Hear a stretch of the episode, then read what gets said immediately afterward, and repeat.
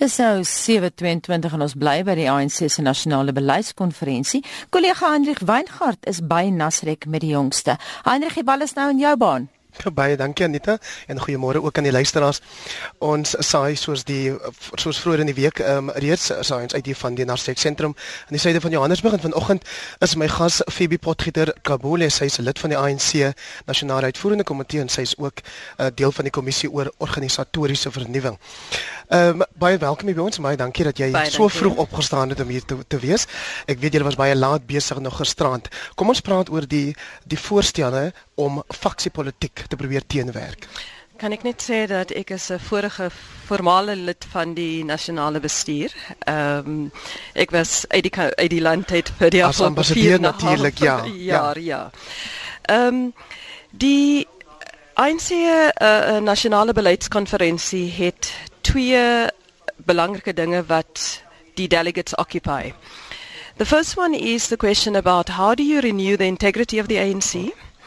So that we address the challenges and the perceptions that the that there is widespread corruption within the ANC and government, um, that it has been captured, um, and the question about social distance between the ANC and the majority of the population. So that's the one set of issues that we're looking at. The second set of issues that we're looking at is 23 years after the advance of democracy, what is the state of the country and how far have we advanced in building a non-racial, non-sexist, united, democratic and prosperous South Africa. So those two issues occupy the conference.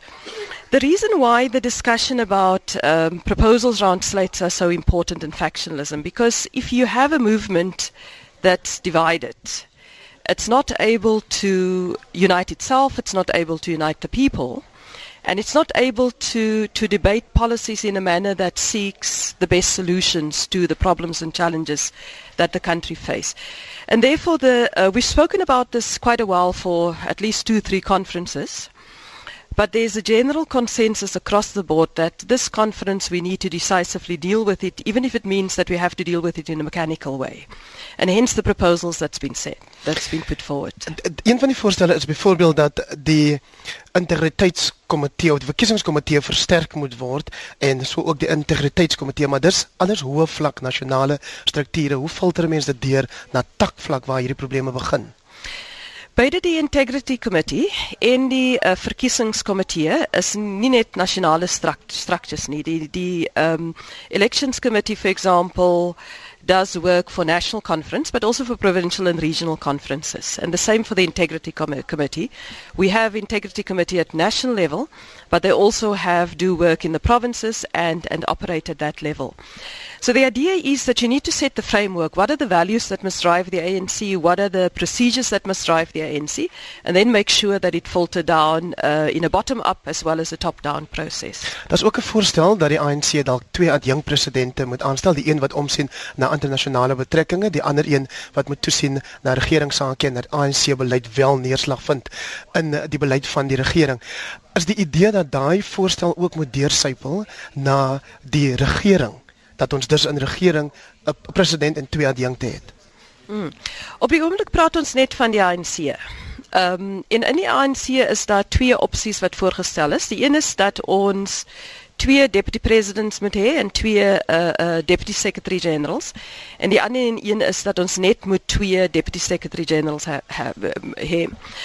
Um I think that the reason for that is that that that um, it looks at the task of the ANC that we need to look at how do we strengthen governance and implementation and monitoring and secondly how do you strengthen the organization? And those are two pillars that's very important and therefore in looking at your most senior leadership which is normally your top 6 you want to make sure that you do have sufficient capacity to do that. But we haven't really thought about it in relation to government at the moment. It's it's strictly uh, with regards to the ANC Wat gebeur nou met hierdie voorstelle wat deur die verskillende kommissies voorgelê word? The the proposals are going back to to branches and the leaks and uh, the alliance. And the ANC will also want to have a broader discussion with society about those proposals. The proposals both in terms of its internal processes, how does it strengthen uh, its internal, internal dem- democratic processes. How do we deal with factions? How do we deal with corruption?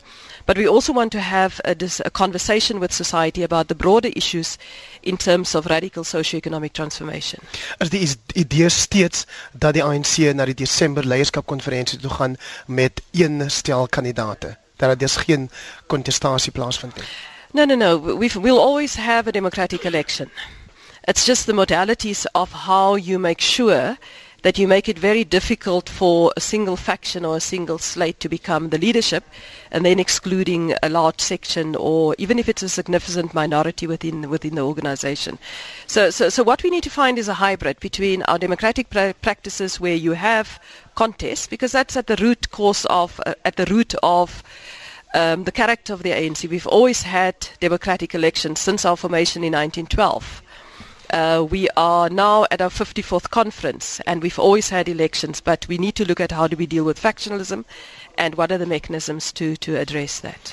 Nou maar baie dankie weer eens vir jou tyd vanoggend. Phoebe Potgieter Kabule is lid van die ANC se organisatoriese vernuwingskommissie wat hier uh, voorstelle ingedien het by die ANC se beleidskonferensie by Nasrek in die suide van Johannesburg. daarmee terug na die ateljee in Auckland Park.